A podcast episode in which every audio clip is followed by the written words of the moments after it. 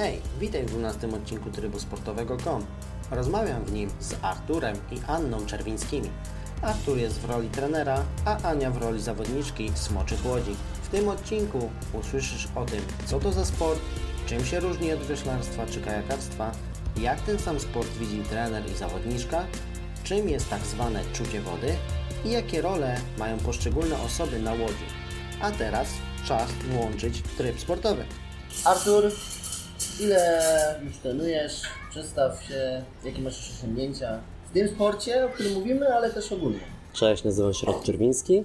Na co dzień jestem trenerem personalnym, a wywodzę się ze sportu właściwie wiślarstwa. Tym się zacząłem zajmować. Trenowałem wiślarstwo przez kilkanaście lat. Jak skończyłem karierę, właściwie jeszcze w czasie kariery mojej sportowej, w międzyczasie zacząłem się zajmować smoczymi łodziami, ale to już bardziej jako trener.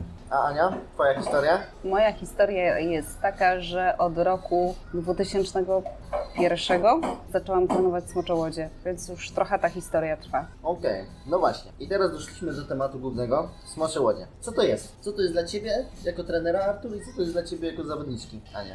E, Dla mnie to jest dyscyplina, w której przez przypadek się właściwie znalazłem.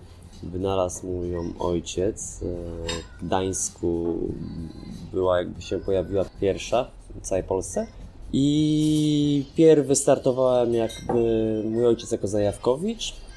Założył klub i ścigaliśmy się na smoczych łodziach od 2001 roku. Od czasu do czasu na zasadzie brakowało mu ludzi do osady. Ja, ja trenowałem wyślarstwo, to mnie gdzieś tam wciskał, e, żebym popływał. Od 2005 roku powstała sekcja smoczych łodzi, która trenowała regularnie, no tak cztery razy w tygodniu i od 2006 roku, właściwie w końca 2005 roku zostałem trenerem, e, brakowało mi trenera, że mamy jakieś zawodnicze, miałem już doświadczenie. Aktualnie byłem wtedy studentem Akademii Wychowania Fizycznego i tak no siłą rzeczy wyszło, że troszeczkę się przed tym broniłem, ale z siłą rzeczy wyszło, że zostałem tym trenerem. To chciałeś być zawodnikiem w sumie smoczych łodzi. Nie, to był okres, kiedy bardziej się skupiałem na wyślarstwie i to był mój cel, mój, żeby wiadomo, jako zawodnik ma się jakieś marzenia, e, Mistrzostwa Świata, Igrzyska Olimpijskie, reprezentacja Polski i na tym się maksymalnie chciałem skupić. Czyli to już był taki wysoki poziom. Wysoki jeszcze wtedy, dopiero wtedy to był jakiś okres, dopiero wchodziłem właściwie tak naprawdę w ten, te prawdziwe ściganie się w wioślarstwie. W późniejszych latach miałem jakieś większe sukcesy w wioślarstwie, ale głównie na tym byłem sfiksowany, a smocze łodzie to było gdzieś tam obok, a że e, rodzinnie tak była potrzeba, to po prostu ich wsparłem i tak zostało do dzisiaj właściwie. Wioślarstwo się skończyło, a smocze łodzie trwają dalej. Okej, no też większa ekipa, to może dlatego. Myślę, że to się po prostu wyszło tak, że skończyło się wioślarstwo, Smoczołodzie się mega wkręciłem, e, wyjazdy międzynarodowe, Mistrzostwa Europy, Mistrzostwa Świata. Ciągnąłem w to wtedy wówczas moją dziewczynę, teraz moją żonę w Smoczołodzie. Dużo znajomych i już w pewnym momencie było żal zostawienie tego wszystkiego, zostawienie tego wszystkiego, tego co się stworzyło, e, żeby tak sobie po prostu odejść. Dobra, Ania, teraz z Twojej strony. Ty byłaś też od początku tej historii, czy połowie się może załapałaś? E, Od początku. Może nie od samiutkiego początku, ale na mm, powiedzmy w pierwszych latach, e, kiedy powstał klub, a ja zaczęłam brać udział a, już w treningach, czy za dużo powiedziane w treningach, w zawodach, bo początki klubu są takie, że my się spotykaliśmy przed zawodami, a ówczesny jakiś instruktor tłumaczył nam, co to jest wiosło, jak się wiosło trzyma, jak mniej więcej wkłada się je do wody i następnego dnia czy dwa dni później startowaliśmy w zawodach. W tej chwili to wygląda trochę inaczej, no, z perspektywy czasu śmieszne, ale wtedy nam zupełnie to wystarczało, to było w ogóle coś nowego w Gdańsku. Ale to był Artur, czy to był ktoś inny? Nie, to był ktoś inny. To był ktoś inny, kto był instruktorem, em, natomiast e, Artur wtedy jakby był już e, na łódce. Razem wiosłowaliśmy, to był czas, Wtedy kiedy to były tam wiosłowaliśmy. 2000, od 2001 do 2000 właściwie 4-5 roku wiosłowałem. Kończyło się to, że wzięliśmy udział, w sumie ja wziąłem udział wtedy w Mistrzostwach Świata w 2004 roku jako zawodnik. I później w 2005 już powstała sekcja nasza, KS, e, właściwie to się nazywało na początku Polski Klub Przygody. Przez pierwszy rok był, mm, właściwie przez pierwsze pół roku był trener inny. Później ten trener zrezygnował z jakichś tam przyczyn e, prywatno-zawodowych. Brak był wakat i wtedy zostałem jesieni, od sezonu zimowego trenerem ja. Na początku była mowa, że miałem tylko zostać przez siłownię ich przyciągnąć, bo właściwie z wiślarstwo w Smoczyłodzie to na wodzie i to na wodzie to troszkę inaczej wyglądało. Więc była mowa, że się skupimy tylko na treningach na siłowni, a na wiosnę pomyślimy, jak to dalej będzie. Ale siłą rzeczy zostało tak, że zostałem do tej pory trenerem, czyli to już jest, mamy 2018. No właśnie, to już To to, to brzmi już długo. Brzmi kilka lat, więc... Kilkanaście. Piłka nożna powinna zazdrościć. Tak, Tak, stałego trener, trenera. trener. Tak, właśnie, ale Ania, właśnie z Twojej strony, jako zawodniczki, jak, czy to był duży przeskok? Inny trener, a nagle Artur. Czy jednak się nic nie zmieniło i, i wiosłowaliście tak samo? Wiesz jak- co, szczerze mówiąc, to już nie pamiętam, czy to była dobra zmiana, czy nie, bo z tamtymi trenerami bardzo dobrze żyłam. To był taki czas, e, lata studenckie, gdzie ta ekipa była bardzo młoda, bardzo szalona. Robiliśmy oprócz treningów bardzo fajne rzeczy poza, spotykaliśmy się, wszyscy się zaprzyjaźniliśmy. To były naprawdę takie pod względem ludzi, jak dla mnie najlepsze czasy, ale też pewnie ze względu na to, że to był taki mój szalony wiek. Więc e, ciężko mi jest powiedzieć, czy to była dobra, czy zła zmiana, ze względu na to, że kurczę, z jednej strony fajnie, bo to był mój chłopak, więc się rozumieliśmy bardzo dobrze, a z drugiej strony z tamtymi trenerami się też przyjaźniłam, więc ciężko mi stwierdzić. Dobra, mówiłeś wioślarstwo, smocze łodzie, jakby rozdzielasz te dwie dyscypliny. Dojdziemy do tego, czym się różnią. Najpierw powiedzmy, czym te smocze łodzie w ogóle są. Smoczyłodzie to jest dyscyplina sportowa, która pochodzi z Chin, swoje początki ma. Charakteryzuje ją to, że to są y, duże łódki, bo to są 12,5 metrowe.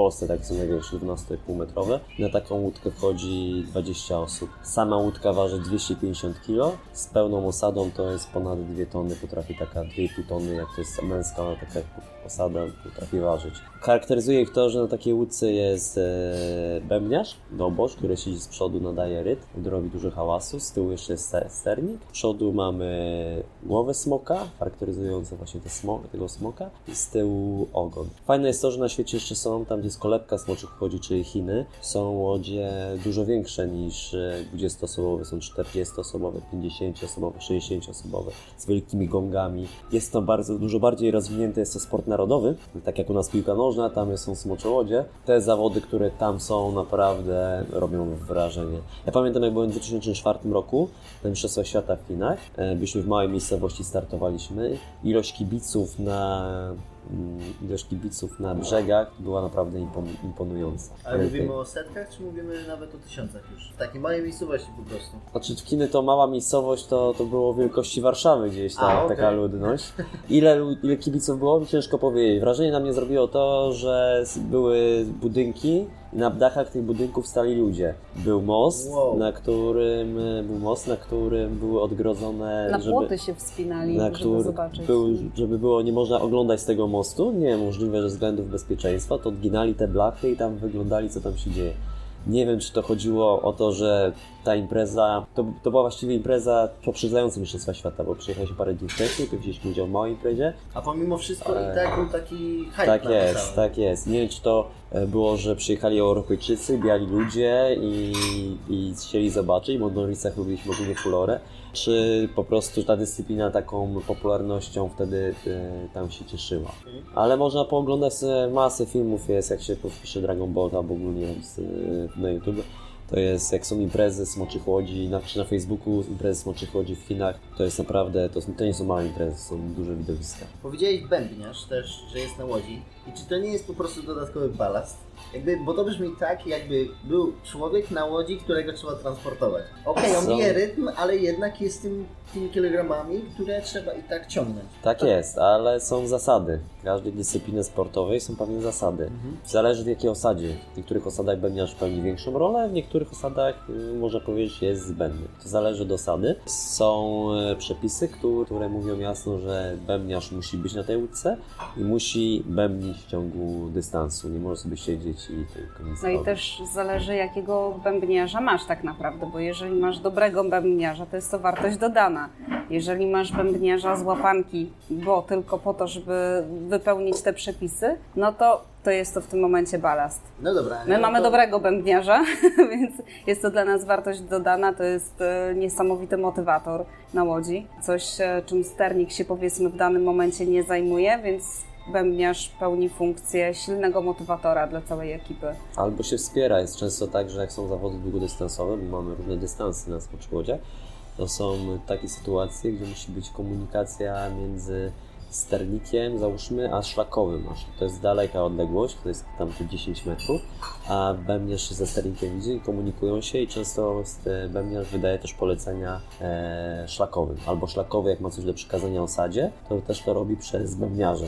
Jak szlakowy wiosłuje, wiadomo, nie wstanie i nie powie, słuchajcie, robimy to, tamto, e, trzeba wstawkę pojechać, tylko jest komunikacja, przekazuje informacje bębniarzowi, a bębniarz je wiosłuje. Dobra, czyli bębniarz jest motywatorem i takim telefonem, nazwijmy to, pomiędzy jednym końcem łódki a początkiem. Tak by można to w skrócie powiedzieć.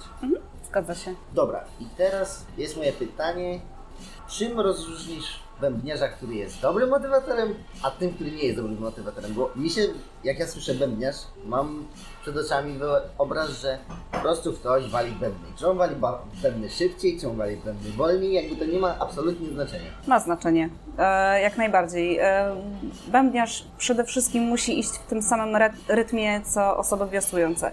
Jeżeli my w danym moment wkładamy wiosło do wody, a bębniarz patrzy się na chmurki i w zupełnie innym momencie uderza w bęben, no to na pewno to rozproszy osadę i może się zdarzyć sytuacja, że zrobią się dwa rytmy wiosłowania na łódce. A to Więc- a to zwalnia łódkę. To wprowadza totalne zamieszanie, totalny zamęt, więc jakby no przede wszystkim no bębniarz musi być strasznie czujny w trakcie płynięcia i wzrokowo musi ogarniać e, osoby, które na pierwszej ławce wiosłują. Wzrokowo musi ogarniać e, sternika, czy on nie chce przypadkiem jakiejś e, przekazać informacji odnośnie wiosłowania. No i tak jak mówiłam wcześniej, e, musi motywować osadę do takiego wysiłku, o którym sobie nie wyobrażali, że są w stanie ponieść. To są te trzy rzeczy. Dobra, jak trenowałem z Tobą, Matu, tam z dwa, trzy treningi, to Ty robiłeś za sternika. W Tak. sumie, można powiedzieć. E, no to jaka rola jest sternika oprócz kierowania? Czy on ma jakąś jeszcze funkcję? Wszystko zależy od osady. Każda osada na innych zasadach działa. Są osady, gdzie z trenerem i kapitanem osady jest załóżmy szlakowy, albo trenerem, albo kapitan osady gdzieś siedzi w środku łodzi. Jest tak, że często na niektórych łódkach najważniejszą osobą jest e, bębniarz, albo tak w naszym przypadku sternik. Moja rola wynika ze sterowania. Najłatwiej się prowadzi treningi. Zaw- Zawsze brakowało na, zawsze ogólnie brakuje, kiedyś przynajmniej, było tak, że nikt nie chciał robić tej sterować. Zawsze wszyscy woleli wiosłować niż sterować, chociaż teraz się trendy odwracają. Są ludzie, którzy teraz by już chętnie posterowali i do, do, doceniają robotę sternika, bo to jest odpowiedzialna robota. A prowadząc trening e, jako trener, dużo łatwiej prowadzi się właśnie z pozycji sternika, ewentualnie bębniarza, niż osoby wiosłującej. Bo masz przegląd, co się dzieje e, na łódce. Idealną sytuacją, jak prowadzić trening z motorówki, a to też jest, e, wiadomo, to koszty podnosi treningu i tak dalej. Ja, jak trenowałem z Wami, to Ty jako sternik stałeś na łódce, a nie siedziałeś. Czy tak jest też na zawody? Tak, pozycja sternika jest stojąca, że, żeby mieć pełną kontrolę nad łódką. Jeżeli to dochodzi do jakichś... Ogólnie sternik jest po to, żeby jak najmniej przeszkadzać łódce. Im mniej jej przeszkadza, tym jest lepiej. Ale musi też kontrolować, żeby ta łódka idealnie płynęła tak jak chcemy. Jak ma płynąć. Jak ma okej. płynąć. Ale są wyścigi, załóżmy, z nawrotami, gdzie bar sternik musi kawał roboty wykonać, żeby łódkę na przykład obrócić o 180 stopni. I to w odpowiednim momencie, I to w w odpowiednim łuku i tak dalej. Dokładnie, żeby nie minąć bojki, żeby jak najmniej dystansu stracić, jak najmniej prędkości stracić. Na zawodach bardzo widać, gdzie osady na przykład potrafią, mega osada potrafi w dystansie bardzo dobry czas robić, dochodzi do nawrotu, traci przewagę mega, bo mają słabego sternika. I odwrotnie, są osady, które potrafią, są, nie mają takiej może kondycji i techniki, żeby w dystansie odrabiać, a sternik potrafi nadrobić dużo na nawrotach na przykład, nie? Więc jak masz to i to idealnie, to, to, jest, to jest super petarda, nie? Ale, Okej. ale nie zawsze Więc tak tak jest. znaczy, chciałem właśnie zwrócić uwagę głównie na to, że na łodzi, która dla uproszczenia powiem wygląda jak taki bardzo duży kajak, Mhm.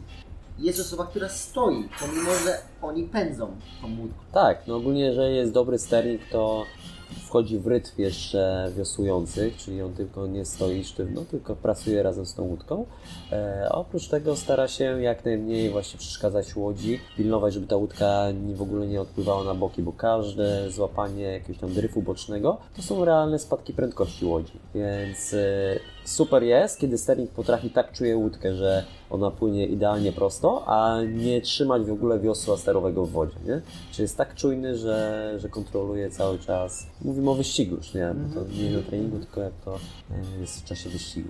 No i dobra, no i przechodzimy w takim razie do ludzi, którzy są tymi koniami napędowymi tej łódki, tak no, nazwijmy to. Czyli Ania. Czyli Ania. Czyli Ania. Ale Ania w sumie wszystkie trzy funkcje przerobiła, bo zdarzyło mi się też na zawodach e, nawet międzynarodowych w Pradze siedzieć na pępnie, w Mistrzostwach Europy, a też byłam sterniczką damskiej osady. A Właśnie, y, to teraz kadrowej. tak szybko. Są damskie, męskie osady i mieszane, tak? Czy... Nie, nie ma męskiej osady, to jest śmieszne. Nie ma męskiej kategorii. Jest kategoria damska, jest kategoria mixed, gdzie wymaganych jest zazwyczaj minimum 8 kobiet i jest kategoria open, gdzie gdzie to jest open, czyli możesz tam włożyć kogo chcesz. Jest to dowolność. Natomiast, żeby mieć jak największe szanse, wkładasz mężczyzn, ale nie ma kategorii stricte męskiej, co jest właśnie śmieszne, że jest Dosyć dziwne. Okej. Dosyć dziwne, ale no jakby wychodzi zawsze w praktyce tak, że ten open staje się kategorią męską. No, nie zawsze, bo jest często tak, że jak masz bardzo dobrą zawodniczkę, e, czasami się trener podejmuje decyzję, że ma mega mocną zawodniczkę i ma takiego zawodnika, który na przykład troszkę za dużo waży, a jednak tych wyników sportowych nie ma jakichś tam super wydolności, techniki i wtedy podejmuje decyzję, dobra, to odrzucimy parę kilogramów, załóżmy siłowo są podobnie, to wezmę tą zawodniczkę i to daje efekt, że łódka płynie szybciej. Takie kalkulacje to są już, nie? Właśnie, ale te kalkulacje były nawet na treningu z wami, gdzie ty mówiłeś, kto po której stronie ma usiąść, bo widziałeś jak łódka się przekłada, jakby to można powiedzieć. A to już coś innego, to już było na zasadzie wyważenia łodzi, nie? bo to też jest ważne. E, łódka nie może być za bardzo z przodu obciążona, żeby nie ryć e, dziobem, nie może być łódka za bardzo z tyłu obciążona, żeby nie ciągnąć się na przykład ogona w wodzie, bo to też zwalnia. I najgorsze, co zawodnicy najbardziej nie lubią, kiedy jest przekrój na łodzi. Jak masz za bardzo lewą burtę obciążoną w stosunku do prawej burty, to jest bardzo niekomfortowo się wiosłuje i nie można maksymalnie przyłożyć tej siły, co w komfortowych warunkach. Czyli jak jest łódka wyważona, nie? To Ania, jeszcze wrócę do Ciebie. Co jest, to zabrzmi dziwnie, co jest trudnego w wiosłowaniu? Albo jak trzeba wiosłować? Ojej, jak trzeba wiosłować? No to pewnie jest 100 odpowiedzi i każdy trener pewnie by inną podał. A Dlatego pytam zawodnika. Co jest trudne w wiosłowaniu? Chyba przede wszystkim ogarnięcie techniki wiosłowania i to, że wiosłowanie na smoczej ł- łodzi wymaga bardzo nienaturalnego dla nas ruchu. Sam próbowałeś, sam wiesz, że jesteśmy gdzieś tam przyzwyczajeni do wiosłowania ewentualnie na kajaku. Każdy wie, jak na kajaku się wiosłuje. I wchodząc pierwszy raz na smoczą łódkę, próbuję to przełożyć na smocze wiosło. Tak, to się absolutnie nie przekłada. To się absolutnie nie przekłada i nie powinno, zupełnie to jest inna technika, a więc chyba najtrudniejsze jest ogarnięcie tej techniki wiosłowania. Ale to chciałem dodać, że Druga- na początku może nienaturalny, bo się uczymy, ale to jak z jazdą na rowerze. Na początku też jest nienaturalna, później już siadamy na rower jest naturalny. To jest po prostu kwestia wyćwiczenia, trenowania, nie? No to prawda. A w sumie, jak już jesteśmy właśnie przy tym pływaniu i przy tych różnicach, gdzie są największe właśnie różnice przy wioślarstwie, przy kajakarstwie, a przy smoczych łodziach? No już powiedzieliśmy, jest ten sternik, jest ten wędniarz, wiosłujemy inaczej, łodzie są też inne. Jeszcze macie jakieś y, inne rzeczy, które są pomiędzy tymi... Dyscyplinami. Pewno mm, Zgaduję, że zasady też. smocze łodzie to najbardziej są zbliżone do kajakarstwa, a tak naprawdę do kanadyjkarstwa. Kajakarstwo wchodzi w skład kajakarstwa wchodzą e, kajaki i kanadyjki. I najbliżej ruch wiosłowania to jest podobny do kanadyjek. Chociaż inaczej się troszkę siedzi, bo na smoczej łódce się siedzi na łapce, a na kanadyjce się klęczy. Więc można najbardziej to porównać. Wioślarstwo oprócz tego, że płyniemy na łódce, to zupełnie inna dyscyplina sportowa, bo w wioślarstwie płyniemy plecami do kierunku e, płynięcia, kierunku jazdy. Poruszamy się na wózku i mamy wiosła zamontowa- zamontowane w dulkach. To są długie wiosła, które mamy albo dwa, albo jedno, to też zależy od konkurencji. E, I wiosłujemy sobie mm, właśnie tym jednym wiosłem. nie? Właśnie, zapomniałem powiedzieć, że e, w Smoczych Łodziach mamy tylko jedną wiosłę w sumie. Tak, taki pagaj właściwie. I wiosłujemy po jednej stronie. Dokładnie. I teraz Ania pytanie, która jest lepsza? Dla mnie zdecydowanie prawa. Dlaczego? Bo tak, no tak po prostu mogę odpowiedzieć, bo tak, bo taką mam predyspozycję, bo tak mam od samego początku. Byłam próbowana na prawej i na lewej stronie, mówię o samych początkach, kiedy zaczynałam trenować i gdzieś ta prawa strona najlepiej mi się układała. Była dawno, dawno temu potrzeba, em, brakowało dziewczyn na lewej stronie, w cudzysłowie przekwalifikowałam się na lewą stronę, przewiosowałam, wydawało mi się, że jest super, że naprawdę ogarnęłam temat pływania na lewej stronie, ale jednak trener mówi, nie, wiesz, prawa strona to jednak idzie tobie zdecydowanie lepiej. Wróciłam na prawą stronę. To chyba trzeba poczuć. Ja nie wiem, czy to jest zależność leworęczności, praworęczności. Nie jestem pewna, bo są, ja jestem praworęczna, wiosłuję na prawej stronie, ale są praworęczne osoby, które idzie świetnie na lewej stronie, więc to chyba po prostu jak człowiek się te pierwsze też zależy jak na tych pierwszych treningach, na której stronie usiądzie. Są u nas osoby, które wiosłują po lewej i po prawej stronie, takie Unii, a im się wydaje, że są po obydwu stronach tak samo super. Tak nie jest. Zawsze któraś strona im lepiej wychodzi. Więc to chyba po prostu trzeba spróbować, najlepiej spróbować po prawej, po lewej i zdecydować, na której się To wynika z treningu. To wynika na początku, jak ktoś przychodzi, to może mówić, że prawej lepiej mu się wiosłuje. Może mieć jakieś predyspozycje, załóżmy, że prawa strona. Ale w 90% to wynika z pierwszych treningów. Jak na przykład jest potrzeba, że zaczyna ktoś wiosłować na lewej stronie, to już później ta strona ją go doskonali, doskonali, doskonali, doskonali. I nagle ma się przejść i ma się przejść na drugą stronę, to nagle się okazuje, że on nie potrafi wiosłować w ogóle. To jest specjalizacja jakaś. To jest tak jak, jakby bramkarz miał zostać napastnikiem, załóżmy piłce nożnej, no nie będzie mu to tak wychodziło dobrze, jak wychodzi mu to na bramce. Nie? No tak. Więc to jest podobnie. Ale wiesz co, jeszcze wracając do Twojego pytania o różnice, bo tak sobie teraz pomyślałam. Chyba największa różnica to jest pomiędzy tymi sportami, które wcześniej wymieniłeś, kajakarstwo, wyślarstwo, e, smocze łodzie, to jest kwestia ilości zrzeszanych osób. Ilości osób, która jest niezbędna, żeby wystartować. No tak, u Was jest naprawdę duża ilość Tak.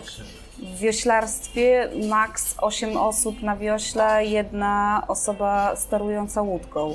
E, W kajakarstwie 4 osoby, nie ma większych. A tutaj my mamy 22 osoby potrzebne, żeby wystartować. To jest, ja nie wiem, czy to nie jest dyscyplina sportu, która zrzesza najwięcej, że jest potrzebna największa drużyna.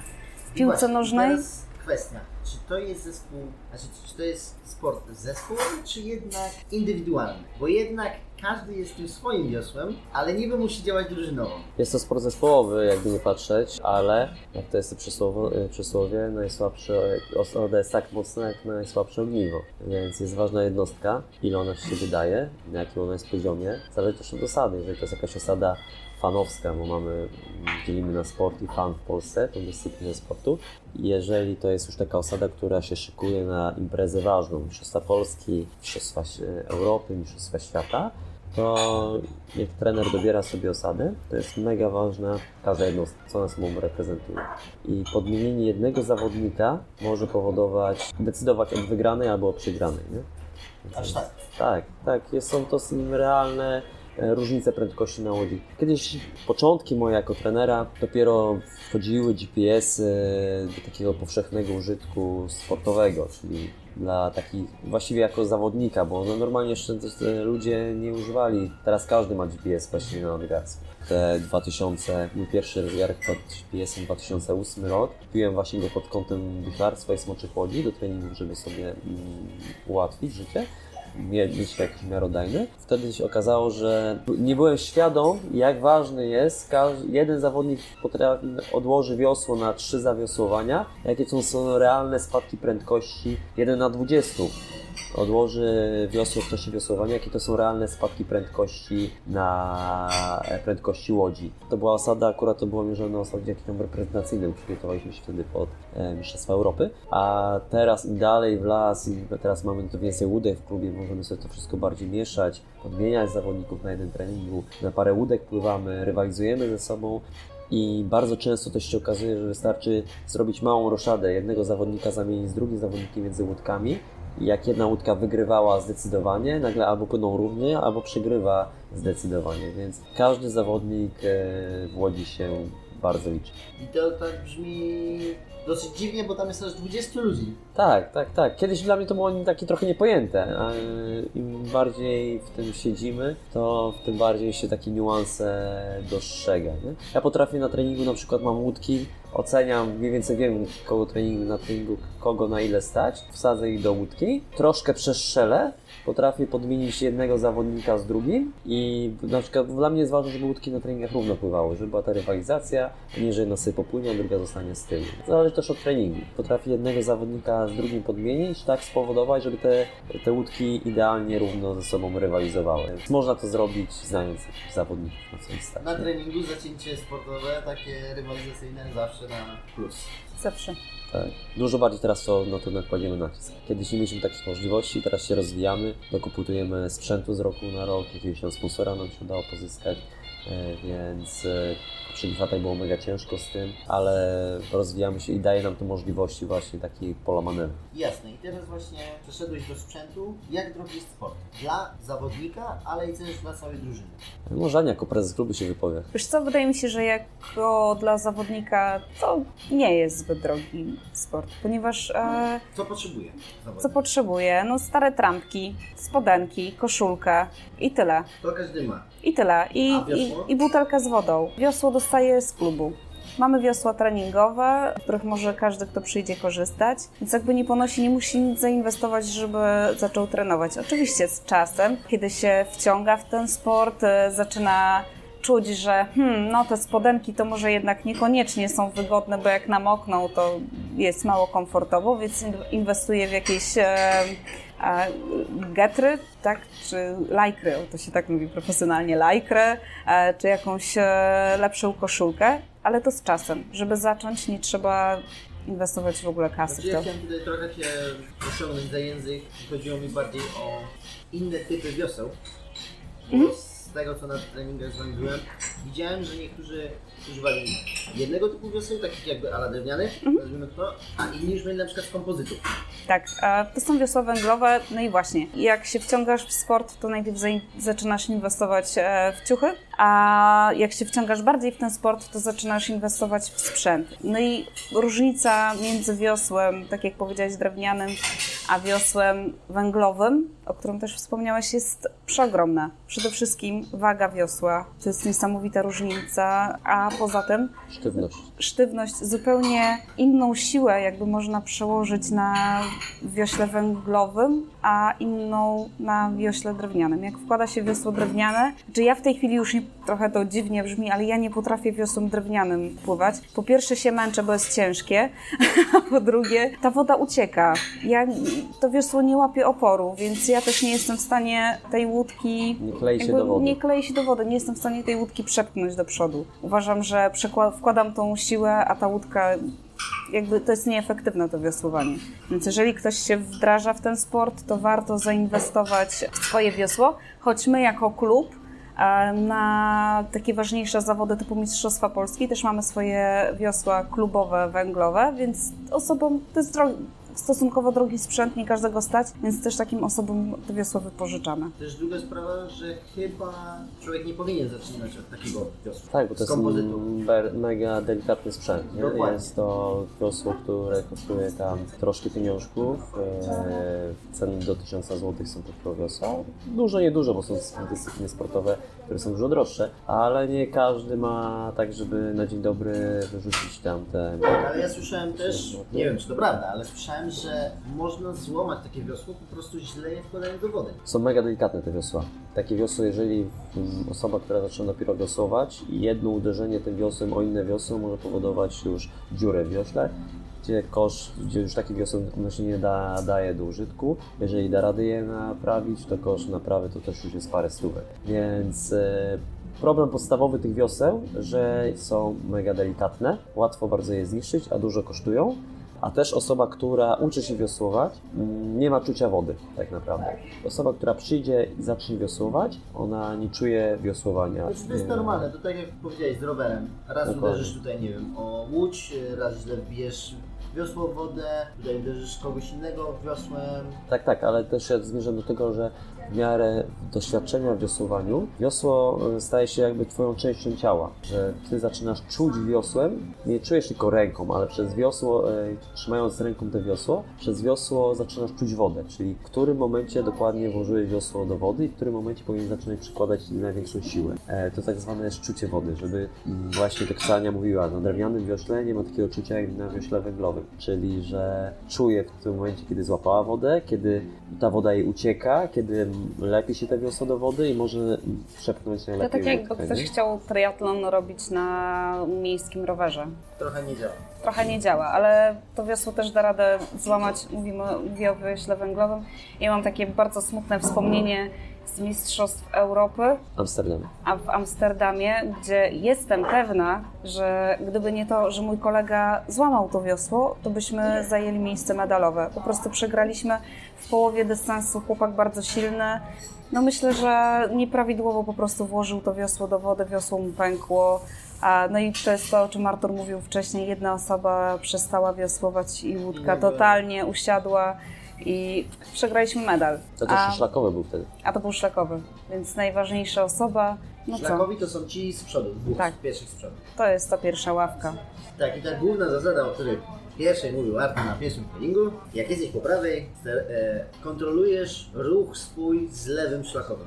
Po przekątnej, tak, po przekątnej. Po przekątnej. Co Tak. dla mnie było bardzo nie, niezrozumiałe, dlaczego tak jest, ale działa, o dziwo działa.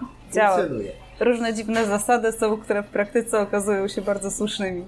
Dobra, no to załóżmy, że zainteresowaliśmy sportem, że jest ciekawy. Człowiek też e, dowiedział się, że na początku w sumie nie musi w to inwestować. A jak zacząć? Przyjść na trening. Mamy swojego, swoją stronę fanpage'a www.smoczyłodzie.pl smoczylodzie właściwie.pl Tam są godziny treningów. Strona i fanpage nazywać tak samo, czy... Tak, bo to właściwie w tym momencie strona, jest strona ksprzygoda.pl, ale ona troszkę tam w Marciu jest y, i mamy główną adres y, Niemniej smoczyłodzie.pl. jeśli wpiszemy smoczełodzie.pl Tak, kieruje od razu do nas. E, tam mamy, tam jest całe życie klubu zamieszczane na tym fanpage'u e, i godziny treningów. Trenujemy aktualnie 4 razy w tygodniu, wtorki, czwartki, soboty i niedzielę. I wystarczy e, przyjść ten jeden dzień i powiedzieć, że chcecie wsiąść na łódkę i wiosłować. Można wcześniej zadzwonić, napisać, wysłać. Wypytać się. Wypytać, co wziąć, kiedy przyjść, gdzie dokładnie i tak dalej. Jest super, bo to oprócz tego, że to jest fajna opcja spędzania popołudnia, trochę poruszania się, złapania kondycji, to to jest duża grupa ludzi, więc fajna naprawdę też opcja, żeby się tak po prostu wyluzować po pracy, po szkole. Tak, trochę odmurzyć No czasem. oprócz tego staramy się i stawiamy na wyjazdy. Można ze smoczymi łodziami zwiedzać kawał świata. Przez ostatnie parę lat jest, y, był, była taka, że mniej wyjeżdżaliśmy, ale powoli wracamy do tego. W zeszłym roku byliśmy w Szwerii, w Niemczech, w tym roku jedziemy do Amsterdamu za tydzień, e, na Mistrzostwa Amsterdamu. E, Planujemy wyjazd na inny kontynent. E, W przyszłym roku są Mistrzostwa Świata. Tajlandii. Na Tajlandii, nie, na Filipinach. Tak, po cichu może się uda. E, Zobaczymy, jak te finanse pozwolą, ewentualnie pozyskanie jakiegoś tam sponsora. Czy. Najdalej ty byłeś w Chinach. Tak, w Szanghaju najdalej byłem. A w sensie? Najdalej chyba w Petersburgu. To i tak kawałek jest. Kawałek jest i super miejsce, naprawdę. Organizacyjnie nie było zbyt dobrze, te zawody nie był były kawał- przeprowadzone, ale 2008 rok to był. tak, to było bardzo dawno temu, ale Właśnie. fajnie. Jeszcze pytanie takie szybkie, techniczne. Czy smoczymi łodziami na zawodach pływa się tylko w rzekach? Nie, najlepiej, żeby to był akwen, żeby to był akwen stojący. Są różne dyscypliny na smoczych łodziach, znaczy różne dyscypliny, może to jest powiedziane, są różne konkurencje. Ścigamy się e, na różnych dystansach, a oprócz tego jest coś, coś takiego jak przepychanie smoczej łodzi. Organizowaliśmy ostatnio takie zawody na zbiorniku retencyjnym Gdańsku, w centrum Gdańska, gdzie jeszcze właściwie chyba żadne zawody nie były przeprowadzane, na pewno nie były żadne zawody przeprowadzane. Wystarczyło kawałek wody, żeby łódka się smocza zmieściła, czyli tam było nie wiem, z 15 metrów szerokości, e, szerokości, długości. Tam przeprowadziliśmy zawody polegało na przepychaniu smoczej łodzi. Więc właściwie zawody smoczych łodzi można nas organizować wszędzie. Jeżeli się na krótkich dystansach ścigamy, lepiej, żeby to były równe warunki, woda stojąca. Jeżeli ścigamy się na jakichś e, długich dystansach, typu 5 km, mamy w październiku takie Mistrzostwa Polski w Czuchowie się odbywają, e, 6 października zapraszamy, to wtedy wiadomo, mm, to już jest, e, czy woda jest płynąca, czy nie, różni to są wszyscy razem nie startują, tylko jedna osada za drugą, w jakichś tam odstępach 10-15 sekundowych i już mu każdy równe warunki, jak sobie ten tor, tor sternik, to teraz wtedy znowu ważna rola sternika, jak sobie ten tor e, wodny, tam złapie, to już od, od każdej osoby zależy. Okej, dobra, to Was wiem gdzie znaleźć w Gdańsku. Przez Smoczołodzie najłatwiej Tak. w sumie. A jak popularny jest ten sport w Polsce? Bo powiedzmy, no ktoś może to słuchać nie jest Gdańska, Mhm. prawdopodobnie z innych miejscowości też, więc Jest e, najbardziej smoczołożnie są w Polsce rozwinięte w Gdańsku. miło. Jest tych klubów w tym momencie chyba w Gdańsku sześć. Mówię chyba, bo to się dynamicznie zmienia, bo niektóre kluby zmieniają nazwy ze względu na sponsorów, tworzą się nowe kluby, stare umierają, ale takich aktywnych klubów w Gdańsku w tym momencie jest czte, od 4 do 6 klubów. Też różne kluby, niektóre bardziej, bardziej kluby stawiają na młodzież, inne kluby na seniorów stawiają. Najmocniejszym klubem w Polsce od paru lat i chyba cały czas trzymają się, no, trzymają ten stołek. Wiadomo, czasem przegrają, ale najwięcej tych wygranych w ostatnich latach ma Spójnia Warszawa. Tam jest tylko jeden w tym momencie klub, ale bardzo mocny, bardzo dobrze trzymający się. Oprócz tego w Olsztynie można popływać na smoczych łodziach w Malborku, w Szczecinie, w Wrocławiu, w Bydgoszczy, w Krakowie. Ogólnie wydaje się W nam, że można już wszędzie stworzyć taką, taki zespół, gdzie jest jakikolwiek akwen wodny. Dokładnie. Na- Tak naprawdę wszystko się opiera na osobie, której się chce. Jeżeli jest jakiś zajawkowicz, który postara się zdobyć smoczą łódkę, bo to też są koszty dosyć wysokie, żeby taką łódkę kupić. Trzeba te pieniądze skądś wziąć. I jest to osoba tak naprawdę o zdolnościach organizacyjnych, że potrafi zwo- Lider, po prostu lider. lider, grupę zgromadzić osób, które przyjdą na trening i będą wiosłować. Zachęcić grupę osób, które e, przyjdą na ten trening i będą e, wiosłowały. Okej, przez całą naszą rozmowę ja sobie wyobrażałem, że mówimy o osobach takich starszych, powiedzmy 18+, plus, starszych. Czy jest jakaś juniorska drużyna, albo czy są jakieś takie możliwości, żeby choćby 15-latek, 13-latek zaczął Tak. ten sport? Jest e, na Mistrzostwach Polskich jest rozgrywana konkurencja junior. W tym momencie mm, my w tym momencie się nic nie, nie specjalizujemy w szkoleniu młodzieży ze względów różnych tam technicznych i tak dalej.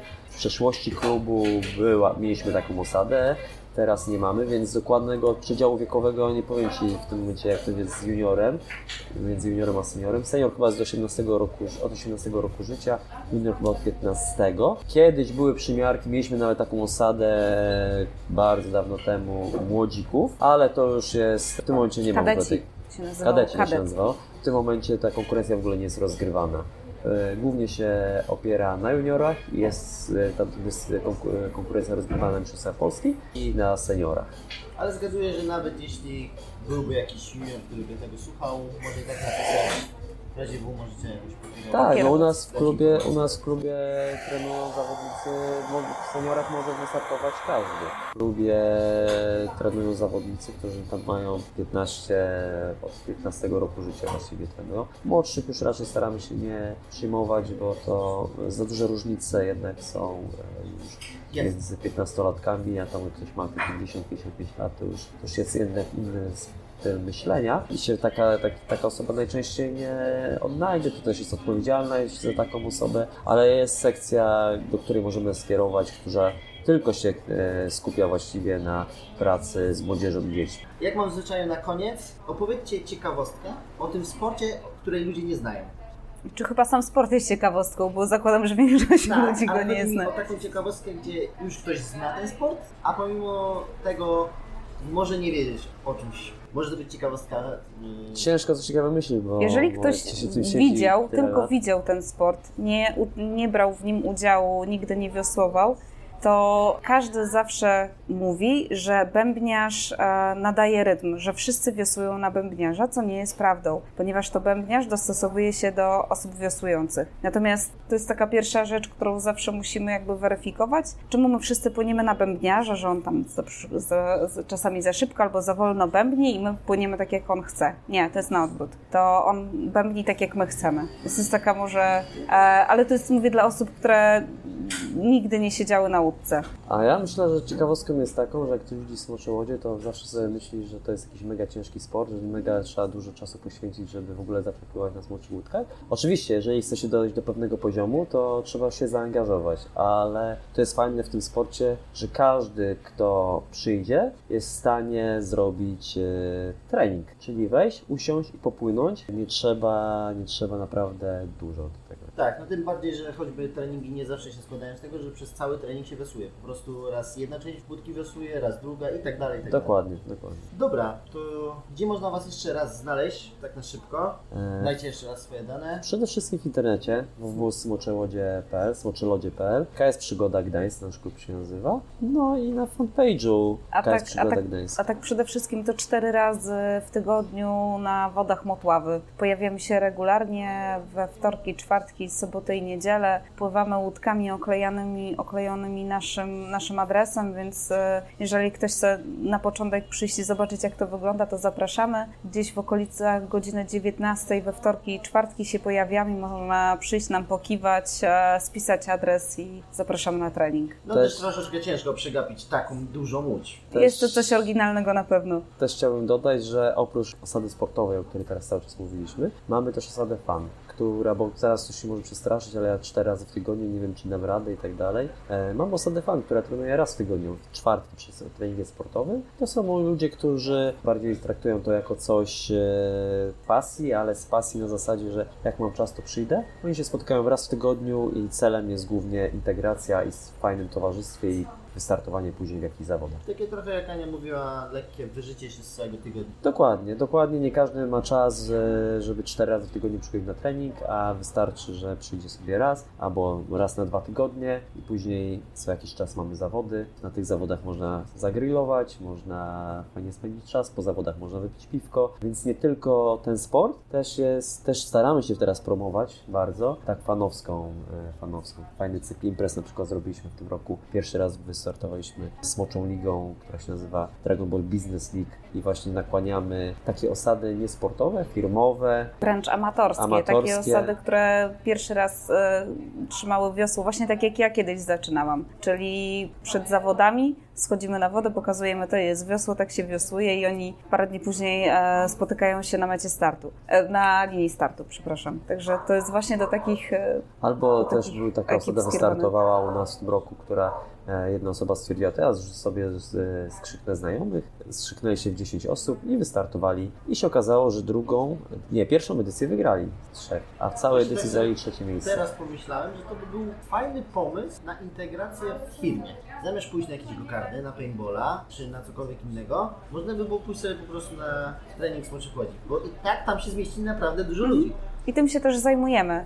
Tym się też zajmujemy oprócz tej części sportowej. W tej chwili mocno działamy w taką formę promocji łodzi, czyli organizowanie eventów dla firm. Już tutaj nie będę wymieniała dokładnie, które firmy, natomiast tych firm w tym roku bardzo dużo obsłużyliśmy. To są e, grupy od 10 osób po takie imprezy na 60, Do 60 osób jesteśmy w stanie do 60, zejść nawet na- więcej naraz. jesteśmy w stanie. Ale bo w to, jednym momencie bo to na nie ma, wodzie. nie ma problemu, są różne formy, także też takie eventy robimy i, i, i ostatnio, jakiś czas temu była taka właśnie śmieszna sytuacja, bo tak jak Artur wspomniał, na początku mówimy o tych zasadach bezpieczeństwa i jedną panią to dosyć, dwie pani to dosyć mocno wystraszyło, tak, że nie chciały wejść na tą łódkę, to było na chyba 40 osób e, impreza. Jedną panią się udało przekonać, nie, nie, my tylko tak nastraszyliśmy, spokojnie, tutaj ma pani kapok, będzie bezpiecznie. Druga pani jednak zrezygnowała i jak przypłynęły z powrotem, ta pani jak przypłynęła, ja mówię, i co? Ona, ja mówię, było strasznie, ona mówi, tak, tak, strasznie fajnie było. więc, e, więc naprawdę wszyscy wychodzą z, z uśmiechem. My też takie imprezy dla firm traktujemy mocno na wesoło. To nie o to chodzi, że oni mają się zaraz tam zapocić, zamęczyć i tak dalej. To ma być właśnie czas rozluźnienia, trochę aspektu sportowego, ale przede wszystkim ma być fajnie, ma się im to spodobać. Dobra, to ja bym podziękował za cały wywiad. Fajnie było. Zwłaszcza fajnie, że udało się do, dorwać i trenera, i zawodniczkę, bo są dwa różne światy. Ale dosyć spójne, tak jak mówiłam na początku. Albo się zgadaliście przed tym. Zgadaliśmy się. A właśnie, i wszystko się wyjaśniło. Dobra, dzięki jeszcze raz Ania, Artur. My również dziękujemy, Dziękujemy. zapraszamy na trening. No, to był A no właśnie, to kiedy na trening? właśnie, kiedy Jutro. Ale to już pogadamy poza odcinkiem. Hej! Chciałbym jeszcze raz podziękować Ani i Arturowi za ciekawą rozmowę i życzyć sukcesów w Mistrzostwach Europy oraz krajowych. Cieszę się, że nagraliśmy ten odcinek, ponieważ wierzę, że mało osób zna tę dyscyplinę sportu, a to jest kwintesencją tego programu. By przedstawić Wam, drodzy słuchacze, nowe dyscypliny, poszerzać możliwości wyboru i dopasowania do siebie dyscypliny sportowej. Mam nadzieję, że odcinek się podobał i zasubskrybujesz mój kanał na platformie, na której słuchasz tego podcastu. Będzie mi miło, jeśli dodatkowo udostępnisz go dalej lub skomentujesz odcinek. Inne odcinki usłyszysz także na stronie trybsportowy.com. Do usłyszenia w następnym odcinku.